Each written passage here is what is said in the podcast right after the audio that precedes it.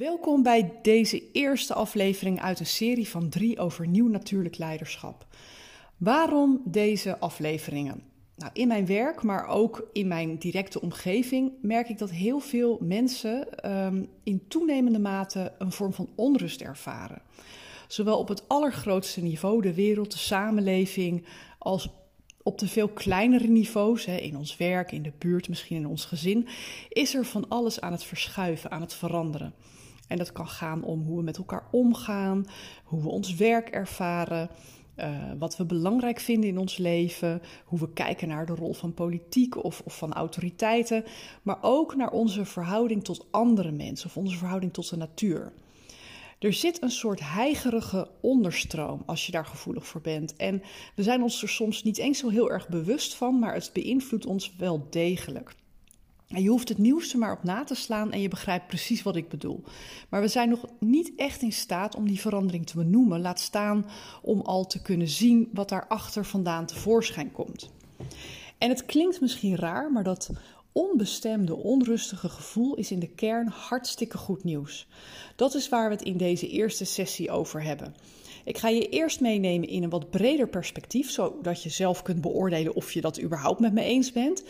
Daarna zetten we een eerste belangrijke stap in de richting van wat dan wel? Hoe zorgen we dat vanuit deze sluimerende onrust een vorm van nieuw leiderschap kan ontstaan? En dat is wat mij betreft het basisingrediënt waar we nu aan mogen gaan werken. En laat ik voor we vandaag de inhoud induiken ook alvast een tipje van de sluier oplichten waar we het in de tweede en derde aflevering uh, over gaan hebben. In de tweede gaan we onder andere in op de vraag hoe kun je ook bij stress en gedoe steeds meer in het oog van de storm blijven staan?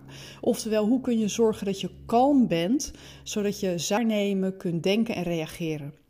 En in de derde aflevering gaan we het hebben over de beginselen van natuurlijk regeneratief leiderschap. Als een praktisch, maar ook een heel aantrekkelijk perspectief voor nou ja, waar we ons nu in bevinden. Maar laten we beginnen bij het begin. Wat is er aan de hand? Waar komt die onrustige onderstroom nou precies vandaan? Als we even uitzoomen en met een helikopterview kijken naar wat er allemaal speelt, dan kun je eenvoudig zien dat heel veel thema's tegelijk op spanning staan. Ecosystemen, politieke systemen, een steeds grotere kloof tussen arm en rijk, afnemende lichamelijke en geestelijke gezondheid. En dat heeft gevolgen voor heel veel aspecten van ons leven. We merken het in de maatschappij, in de economie, in de manier waarop we samenleven, samenwerken, hoe we naar elkaar, naar onszelf kijken. Je zou kunnen zeggen dat vertrouwde systemen aan het afbrokkelen zijn en dat er nog niet echt zicht is op het nieuwe, in welke vorm dan ook. En ook al voelt het voor ons onzeker, oncomfortabel, het is zeker niet de eerste keer dat er zo'n kantelpunt is geweest in de wereldgeschiedenis. Chaos is namelijk een natuurlijke toestand. Het is simpelweg de fase die je aantreft als het ene complexe systeem overgaat in het volgende complexe systeem. En je kunt het ja, een beetje vergelijken met de situatie net na een bosbrand. Het bos zoals dat er was, is, is grotendeels weg en wat er van over is, is zwaar aangetast. je ziet smeulende asresten, verkoolde begroeiing en het ziet er op het eerste gezicht allemaal behoorlijk hopeloos uit. Maar maak je een soort timelapse video, dan zie je dat er vanuit die chaos een heel nieuw ecosysteem ontstaat. Nog voordat die brand goed en wel gedoofd is, begint er van alles te vormen dat aanvankelijk nog helemaal niet zichtbaar was. Want de as uh, blijkt een enorm vruchtbare voedingsbodem voor gewassen. Er ontstaat een andere vorm van natuur. Er ontstaat ook een heel nieuw evenwicht, omdat ja, bepaalde hele invasieve soorten nu uit de weg zijn en um, nou ja, als het ware weer bij nul beginnen. Dit werkt niet anders voor menselijke ecosystemen. Kijk je naar hoe onze manier van samenleven zich door de geschiedenis heen heeft ontwikkeld, dan zie je dat we geëvolueerd zijn van een tribale samenleving in kleine nomadische groepen naar grotere groepen die zich gevestigd hebben, zodat we ook meer planmatige landbouw konden gaan bedrijven, gevolgd door industrialisatie en ga zo maar door tot aan de dag van vandaag. In die voortdurende beweging zijn allerlei beschavingen ontstaan, gegroeid En ook weer langzaam afgebrokkeld en overgegaan in een volgende. denk aan, aan Maya's, Vikingen, Khmer, Romeinen. Er zijn nog heel veel meer van dat soort voorbeelden te noemen. Het verdwijnen van een beschaving betekent niet dat de laatst overlevende het licht uitdoet en, en vertrekt. en dat alle mensen die daar ooit toe behoorden, dat die sterven. Het verdwijnen van een beschaving gaat meestal over het uiteenvallen van sociale, politieke en economische structuren die als het ware het weefsel van die samenleving vormden. Als die structuren hun houdbaarheidsdatum bereikt hebben, dan worden ze steeds instabieler en van daaruit ontstaat langzaam maar zeker het nieuwe. Dus beschavingen evolueren van de ene naar de andere vorm. En dit is een proces dat generaties kan duren. Dus daarom is het zo belangrijk om geregeld even uit te zoomen, om de patronen en dynamieken te herkennen en die in een wijder frame te plaatsen. De fase waar we nu in zitten is niet gisteren ontstaan. En hoogstwaarschijnlijk gaat ook niet morgen de knop om naar iets nieuws. Maar chaos markeert dus een soort ja, kantelpunt. Hè? Het is een natuurlijke fase die nodig is om als collectief verder te komen. je kunt allerlei dingen erbij creëren, maar op een gegeven moment zullen er ook dingen moeten sneuvelen om ruimte te maken voor het nieuwe. En bij dat loslaten van het oude kunnen ingewikkelde gevoelens komen kijken. En dat hoort er helemaal bij, ook al is dat ontzettend oncomfortabel. Maar er komt ook een enorme kracht uit voort die je nu al op heel veel plekken om je heen ziet.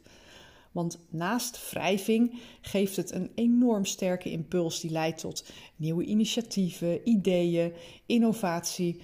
Eigenlijk vanuit een drive om een nieuwe toekomstvorm te geven. Hè. Je ziet nu al bottom-up allerlei initiatieven ontstaan op het gebied van regeneratieve landbouw, andere vormen van onderwijs, van voedselvoorziening, nieuwe samenlevingsvormen, noem het allemaal maar op. Wat we heel goed mogen beseffen is zonder enige vorm van crisis kan een systeem niet fundamenteel veranderen. Juist omdat we die wrijving en creatiekracht van, ja, maar zo wil ik het niet langer, die wrijving hebben we heel hard nodig. En we pendelen in zekere zin altijd heen en weer tussen creatie, verval en weer nieuwe creatie. En chaos is de vaste, of de vaste, dat is de terugkerende toestand van die tussenfase. En laten we nu weer even inzoomen, want ik kan me voorstellen dat je denkt, nou, dit is best interessant, maar dit voelt ook zo groot, wat kan ik daar in mijn uppie in betekenen? En wat je steeds opnieuw ziet in die grotere bewegingen door de geschiedenis heen, is dat de verandering niet ja, van bovenaf tussen aanhalingstekens werd opgelegd. structuren volgen in het algemeen wat er maatschappelijk gebeurt, niet andersom. Wetgeving en sturingsbeginselen zijn door de loop van de geschiedenis meestal volgend geweest aan normen en waarden in de maatschappij. Uh, bijvoorbeeld, al ruim voordat de slavernij officieel werd afgeschaft, groeide het bewustzijn in een steeds groter wordende groep burgers dat het verwerpelijk was om andere mensen als eigendom te houden. Um, voordat vrouwen actief en later ook passief kiesrecht kregen, was er een groeiende beweging waarin er stukje bij beetje anders werd gekeken naar de positie en rol van vrouwen binnen de maatschappij. En voordat hier in Nederland kinderarbeid werd afgeschaft, groeide het besef dat dat niet alleen voor het kind, maar ook voor de maatschappij als geheel beter was als kinderen zich konden ontwikkelen. dat ze niet puur goedkope arbeidskrachten waren, maar dat er veel meer waarde was voor, uh, voor het collectief als die kinderen gewoon de, uh, ja, de kans kregen om zich op andere manieren te ontwikkelen. In alle gevallen ontstond dat bewustzijn niet op één plaats of bij één persoon. Het verspreiden vanuit, ja, eigenlijk op verschillende plekken tegelijk. Aanvankelijk vanuit een enkeling, net zo lang totdat het als een soort ja, dekkend netwerk aan elkaar begon te groeien. Het waren of zijn helemaal niet per se de Rosa Parks, de Gandhis of de Greta Thunbergs die zo'n beweging starten. En zij geven wel woorden aan zo'n beweging, ze geven een gezicht aan die beweging, maar eigenlijk is dat wat zij doen, dat ze geven aan wat er al in een grotere groep leeft. Het zijn accelerators, niet per definitie de bedenkers. Het zijn hooguit de, de, de, ja, de mensen die al vroeg dat andere bewustzijn hebben en van daaruit zich geroepen voelen om verandering te maken. En het is dus niet zo dat je een activist, een revolutionair of een visionair moet zijn om het verschil te maken. Ieder van ons speelt een rol in het ontstaan van het nieuwe. En verschil, dat maak je al op een niveau dat voor anderen niet eens zichtbaar hoeft te zijn. Heel simpel voorbeeld: altijd als ik ga wandelen met een vriendin van mij, dan raapt zij altijd al dingen op: verpakkingen, plastic, uh, peuken, dat soort dingen. En dat bracht mij op het idee om een grijper te kopen. Uh, om die mee te nemen als ik het bos in ga. Want ik vind het vies om dat met mijn handen op te pakken. Zij heeft daar minder problemen mee. En inmiddels zie ik op heel veel plekken om me heen. Zie ik steeds vaker mensen met een tas en een papierprikker of een grijper rondlopen. Niet omdat ik nou zo'n trendsetter ben. Maar omdat dit iets is wat aan het ontstaan is in het collectieve bewuste. Van willen wij dat bos een prettige plek houden. Dan hebben we daar zelf ook een rol in te vervullen. En hoe, hoe groot is die, hè, is, is die opgave nou om af en toe eens wat op te pikken wat je ziet liggen? Um, ander voorbeeld, in een team waar ik een tijdje in rimde als, als uh, leidinggevende. Daar begon één collega consequent te vragen of er nog iemand iets wilde drinken als ze richting koffiecorner ging. Want dat ding dat lag een beetje uit de buurt en de koffie uit de automaat op de afdeling was gewoon minder lekker. Dus zij vroeg elke keer: joh, ik ga toch, kan ik voor jou ook wat meenemen? En het duurde niet lang voordat dat door anderen werd overgenomen. Nou, ga je daar de wereld mee redden? Misschien niet in directe zin. En tegelijkertijd is dit het belangrijkste wat er is. Want um, Willen we de diepe systemische uitdagingen waar we nu voor staan echt het hoofd bieden, dan vraagt dat om iets radicaal anders dan wat we tot nu toe hebben gedaan. In mijn boek Navigeren in de Mist schreef ik al dat de huidige vorm van leiderschap als het ware nog op een oud besturingssysteem draait. En dat werkt bugs en virussen en hackers in de hand.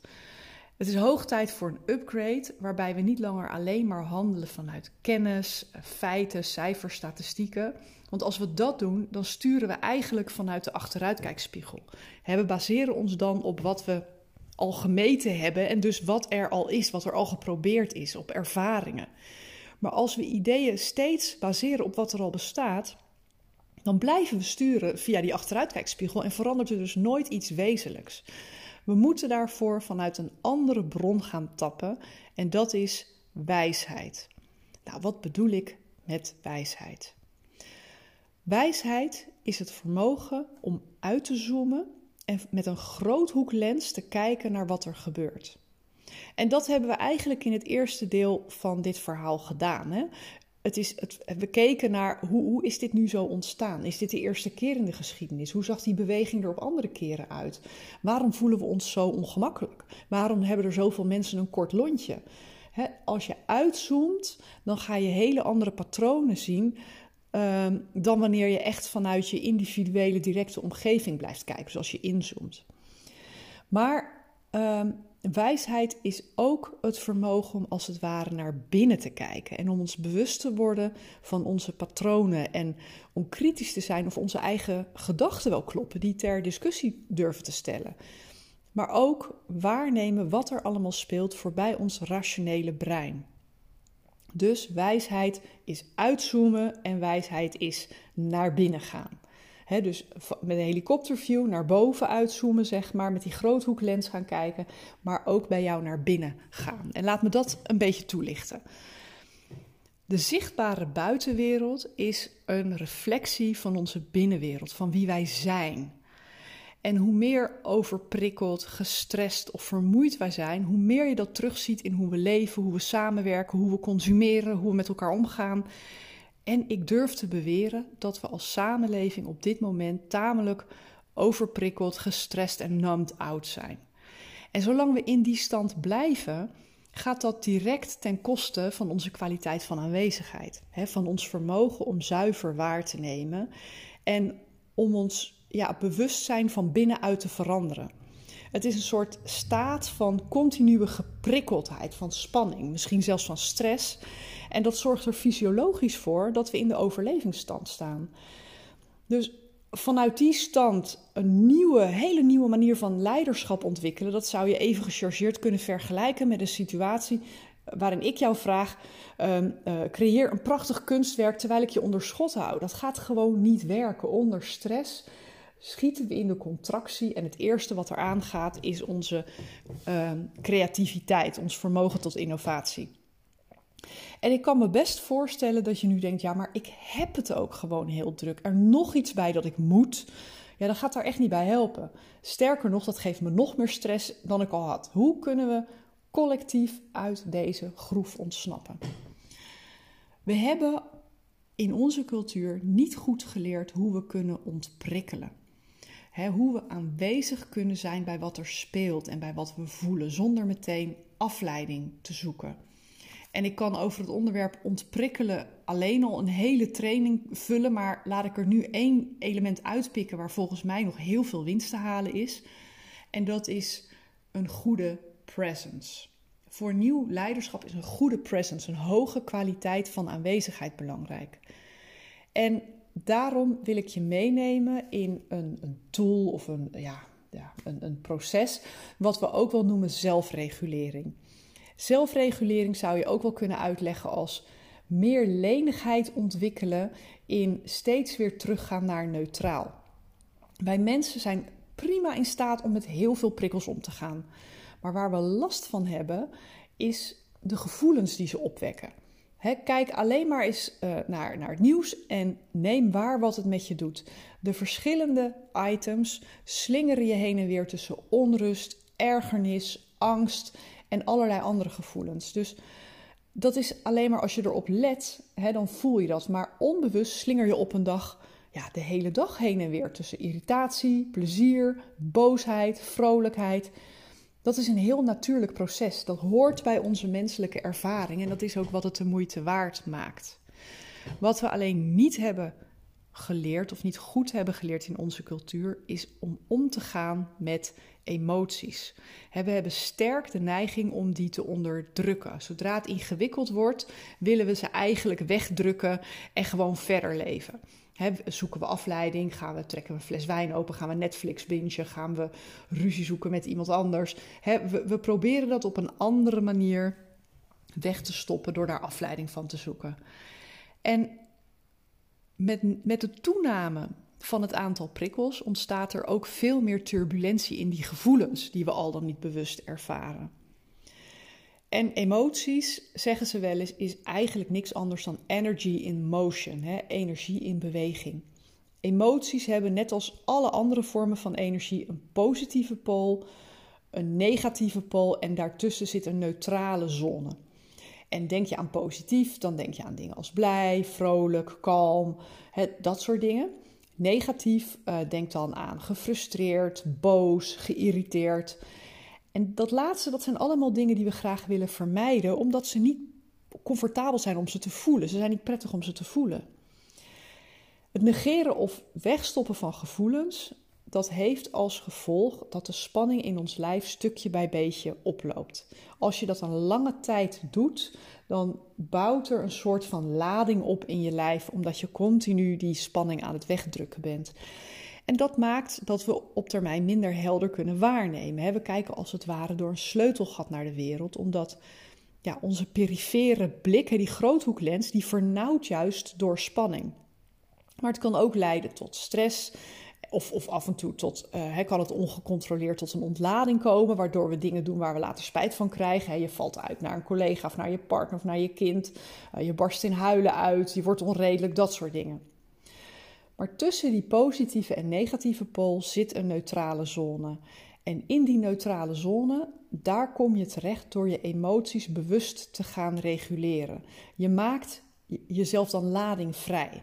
En ladingvrij, dat hebben we nodig om steeds weer terug te gaan naar het oog van de storm, zodat we helder kunnen waarnemen. Dat je door de dag heen positief en negatief geladen maakt, uh, raakt, dat zal nooit veranderen.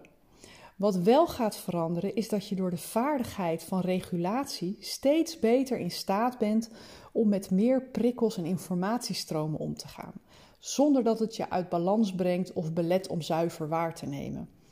Want je wil naast al die herrie van al die prikkels, wil je zuiver kunnen waarnemen. Wat speelt er nog meer dat van invloed is en wat niet zo expliciet is? Heb je het over nieuw leiderschap, dan begint het met deze essentiële stap. En daar gaan we het in de volgende uit deze serie over hebben. En dan geef ik je meteen een simpele, maar ontzettend effectieve oefening om steeds leniger te worden in neutraliseren. Zodat je elke keer als je positieve of negatieve lading hebt, weer terug gaat naar neutraal, zodat je voorbij het kabaal kunt gaan waarnemen. Dus denk alvast na, wat is nou een situatie waarin je steeds opnieuw onrust of spanning of stress voelt? wat gebeurt er in zo'n geval met je? hoe weet je dat je spanning hebt? Waar zit dat in je lijf? Met wat ik in de volgende aflevering ga vertellen, uh, kun je dat meteen concreet gaan vertalen naar je eigen situatie. Dus ik zie je heel graag terug bij aflevering 2 uit deze serie.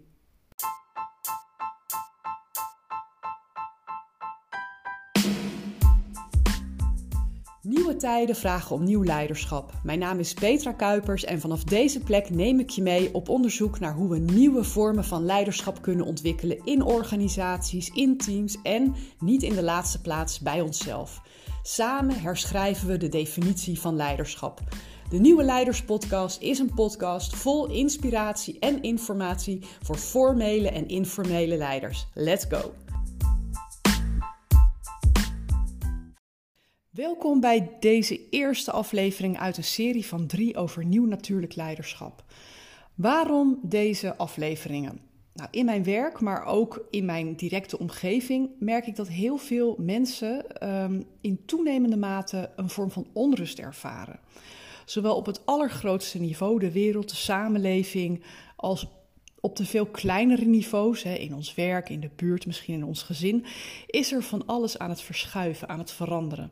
En dat kan gaan om hoe we met elkaar omgaan, hoe we ons werk ervaren, uh, wat we belangrijk vinden in ons leven, hoe we kijken naar de rol van politiek of, of, van autoriteiten, maar ook naar onze verhouding tot andere mensen of onze verhouding tot de natuur.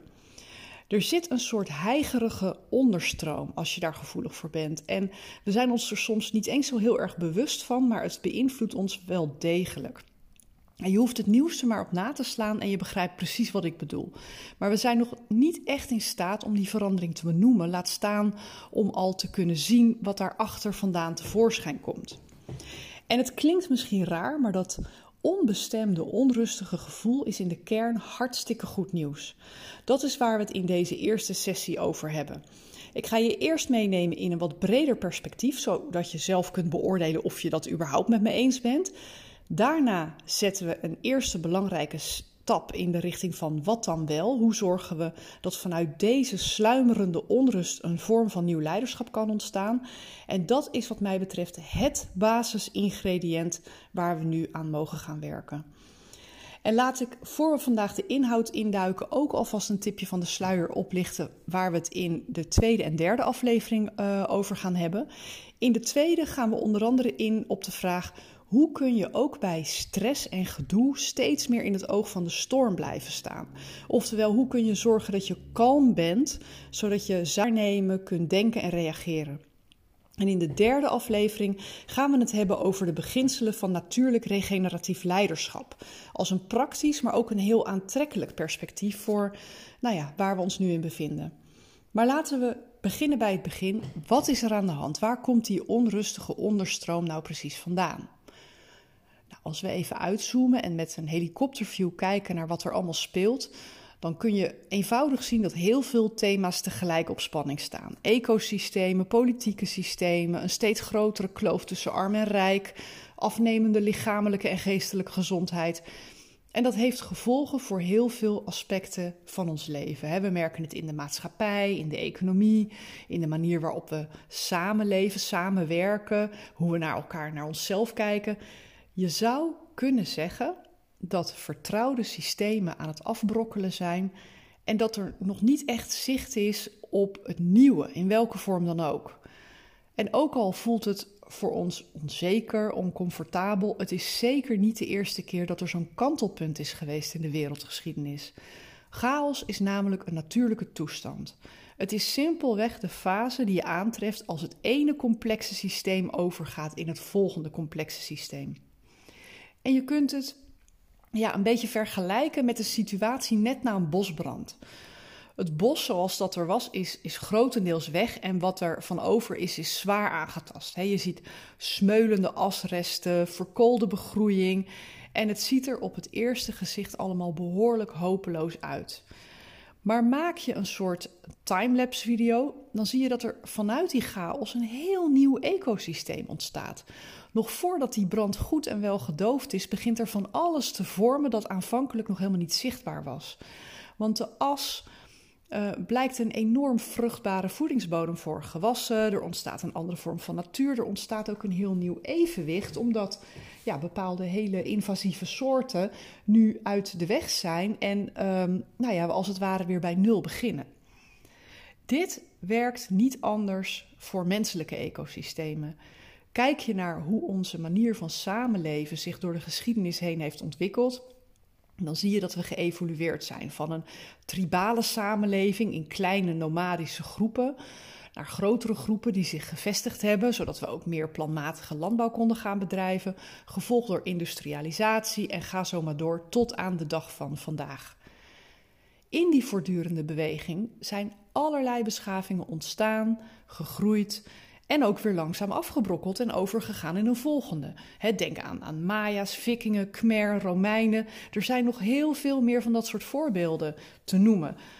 Het verdwijnen van een beschaving betekent niet dat de laatst overlevende het licht uitdoet en, en vertrekt. en dat alle mensen die daar ooit toe behoorden, dat die sterven.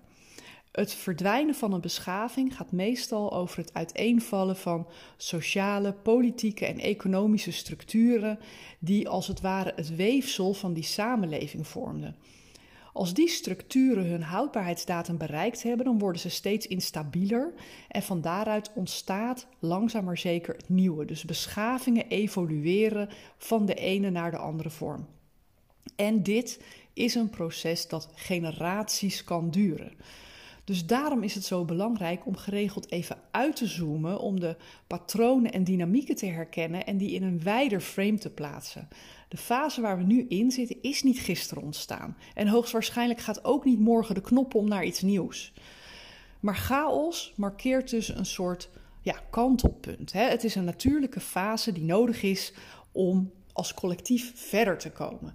je kunt allerlei dingen erbij creëren, maar op een gegeven moment zullen er ook dingen moeten sneuvelen om ruimte te maken voor het nieuwe. En bij dat loslaten van het oude kunnen ingewikkelde gevoelens komen kijken. En dat hoort er helemaal bij, ook al is dat ontzettend oncomfortabel. Maar er komt ook een enorme kracht uit voort die je nu al op heel veel plekken om je heen ziet.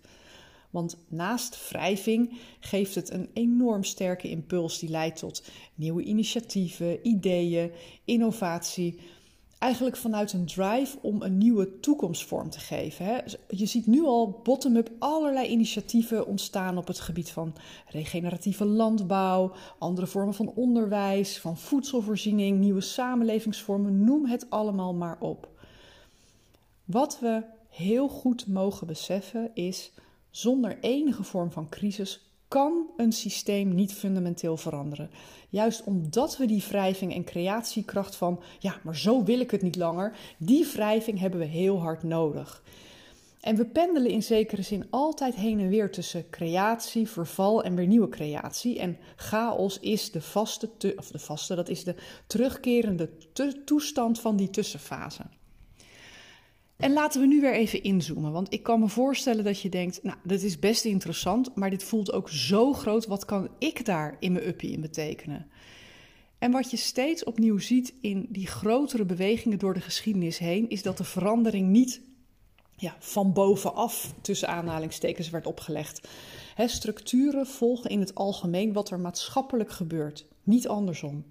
Wetgeving en sturingsbeginselen zijn door de loop van de geschiedenis meestal volgend geweest aan normen en waarden in de maatschappij. Um, bijvoorbeeld, al ruim voordat de slavernij officieel werd afgeschaft, groeide het bewustzijn in een steeds groter wordende groep burgers dat het verwerpelijk was om andere mensen als eigendom te houden. Um, voordat vrouwen actief en later ook passief kiesrecht kregen, was er een groeiende beweging waarin er stukje bij beetje anders werd gekeken naar de positie en rol van vrouwen binnen de maatschappij. En voordat hier in Nederland kinderarbeid werd afgeschaft, groeide het besef dat dat niet alleen voor het kind, maar ook voor de maatschappij als geheel beter was als kinderen zich konden ontwikkelen.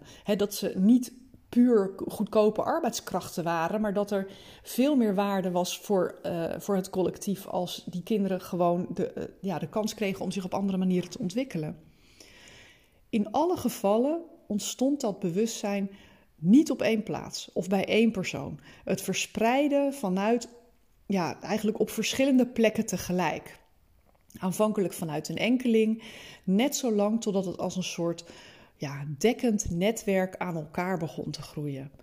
Het waren of zijn helemaal niet per se de Rosa Parks, de Gandhis of de Greta Thunbergs die zo'n beweging starten. En zij geven wel woorden aan zo'n beweging, ze geven een gezicht aan die beweging, maar eigenlijk is dat wat zij doen, dat ze geven aan wat er al in een grotere groep leeft. Het zijn accelerators, niet per definitie de bedenkers. Het zijn hooguit de, de, de, ja, de mensen die al vroeg dat andere bewustzijn hebben en van daaruit zich geroepen voelen om verandering te maken.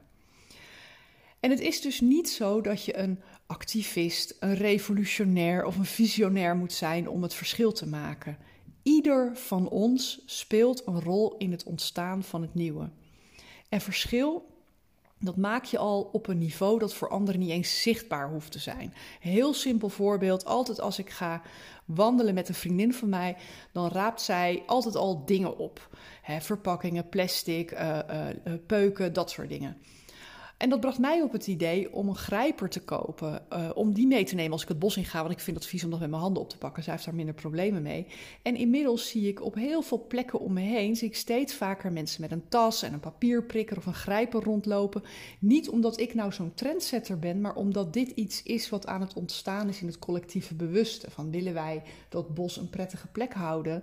Dan hebben we daar zelf ook een rol in te vervullen. En hoe, hoe groot is die, hè, is, is die opgave nou om af en toe eens wat op te pikken wat je ziet liggen? Um, ander voorbeeld, in een team waar ik een tijdje interimde, interimde als, als uh, leidinggevende. Daar begon één collega consequent te vragen of er nog iemand iets wilde drinken als ze richting koffiecorner ging. Want dat ding dat lag een beetje uit de buurt en de koffie uit de automaat op de afdeling was gewoon minder lekker. Dus zij vroeg elke keer: joh, ik ga toch, kan ik voor jou ook wat meenemen? En het duurde niet lang voordat dat door anderen werd overgenomen. Nou, ga je daar de wereld mee redden? Misschien niet in directe zin. En tegelijkertijd is dit het belangrijkste wat er is. Want um, willen we de diepe systemische uitdagingen waar we nu voor staan echt het hoofd bieden, dan vraagt dat om iets radicaal anders dan wat we tot nu toe hebben gedaan. In mijn boek Navigeren in de Mist schreef ik al dat de huidige vorm van leiderschap als het ware nog op een oud besturingssysteem draait. En dat werkt bugs en virussen en hackers in de hand. Het is hoog tijd voor een upgrade waarbij we niet langer alleen maar handelen vanuit kennis, feiten, cijfers, statistieken. Want als we dat doen, dan sturen we eigenlijk vanuit de achteruitkijkspiegel. We baseren ons dan op wat we al gemeten hebben en dus wat er al is, wat er al geprobeerd is, op ervaringen. Maar als we ideeën steeds baseren op wat er al bestaat, dan blijven we sturen via die achteruitkijkspiegel en verandert er dus nooit iets wezenlijks. We moeten daarvoor vanuit een andere bron gaan tappen en dat is wijsheid. Nou, wat bedoel ik met wijsheid? Wijsheid is het vermogen om uit te zoomen en met een groothoeklens te kijken naar wat er gebeurt. En dat hebben we eigenlijk in het eerste deel van dit verhaal gedaan. Hè? het is het, we keken naar hoe, hoe is dit nu zo ontstaan? Is dit de eerste keer in de geschiedenis? Hoe zag die beweging er op andere keren uit? Waarom voelen we ons zo ongemakkelijk? Waarom hebben er zoveel mensen een kort lontje? als je uitzoomt, dan ga je hele andere patronen zien um, dan wanneer je echt vanuit je individuele directe omgeving blijft kijken, zoals je inzoomt. Maar um, Wijsheid is ook het vermogen om als het ware naar binnen te kijken en om ons bewust te worden van onze patronen en om kritisch te zijn of onze eigen gedachten wel kloppen, die ter discussie durven te stellen. Maar ook waarnemen wat er allemaal speelt voorbij ons rationele brein. Dus wijsheid is uitzoomen en wijsheid is naar binnen gaan. Dus met een helikopterview naar boven uitzoomen, zeg maar, met die groothoeklens gaan kijken, maar ook bij jou naar binnen gaan. En laat me dat een beetje toelichten. De zichtbare buitenwereld is een reflectie van onze binnenwereld, van wie wij zijn. En hoe meer overprikkeld, gestrest of vermoeid wij zijn, hoe meer je dat terugziet in hoe we leven, hoe we samenwerken, hoe we consumeren, hoe we met elkaar omgaan. En ik durf te beweren dat we als samenleving op dit moment tamelijk overprikkeld, gestrest en numbed out zijn. En zolang we in die stand blijven, gaat dat direct ten koste van onze kwaliteit van aanwezigheid. Hè, van ons vermogen om zuiver waar te nemen en om ons ja, bewustzijn van binnenuit te veranderen. Het is een soort staat van continue geprikkeldheid, van spanning, misschien zelfs van stress. En dat zorgt er fysiologisch voor dat we in de overlevingsstand staan. Dus vanuit die stand een nieuwe, hele nieuwe manier van leiderschap ontwikkelen, dat zou je even gechargeerd kunnen vergelijken met een situatie waarin ik jou vraag: uh, creëer een prachtig kunstwerk terwijl ik je onder schot hou. Dat gaat gewoon niet werken onder stress schieten we in de contractie. En het eerste wat er aangaat is onze uh, creativiteit, ons vermogen tot innovatie. En ik kan me best voorstellen dat je nu denkt: ja, maar ik heb het ook gewoon heel druk. Er nog iets bij dat ik moet. Ja, dan gaat daar echt niet bij helpen. Sterker nog, dat geeft me nog meer stress dan ik al had. Hoe kunnen we collectief uit deze groef ontsnappen? We hebben in onze cultuur niet goed geleerd hoe we kunnen ontprikkelen hoe we aanwezig kunnen zijn bij wat er speelt en bij wat we voelen, zonder meteen afleiding te zoeken. En ik kan over het onderwerp ontprikkelen alleen al een hele training vullen, maar laat ik er nu één element uitpikken waar volgens mij nog heel veel winst te halen is. En dat is een goede presence. Voor nieuw leiderschap is een goede presence, een hoge kwaliteit van aanwezigheid belangrijk. En daarom wil ik je meenemen in een, een tool of een, ja, ja, een, een proces, wat we ook wel noemen zelfregulering. Zelfregulering zou je ook wel kunnen uitleggen als meer lenigheid ontwikkelen in steeds weer teruggaan naar neutraal. Wij mensen zijn prima in staat om met heel veel prikkels om te gaan. Maar waar we last van hebben, is de gevoelens die ze opwekken kijk alleen maar eens uh, naar, naar het nieuws en neem waar wat het met je doet. De verschillende items slingeren je heen en weer tussen onrust, ergernis, angst en allerlei andere gevoelens. Dus dat is alleen maar als je erop let, dan voel je dat. Maar onbewust slinger je op een dag ja, de hele dag heen en weer tussen irritatie, plezier, boosheid, vrolijkheid.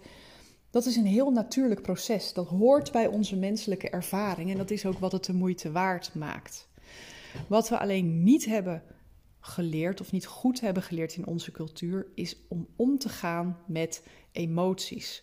We hebben sterk de neiging om die te onderdrukken. Zodra het ingewikkeld wordt, willen we ze eigenlijk wegdrukken en gewoon verder leven zoeken we afleiding? Gaan we trekken we een fles wijn open? Gaan we Netflix bingen? Gaan we ruzie zoeken met iemand anders? we, we proberen dat op een andere manier weg te stoppen door daar afleiding van te zoeken.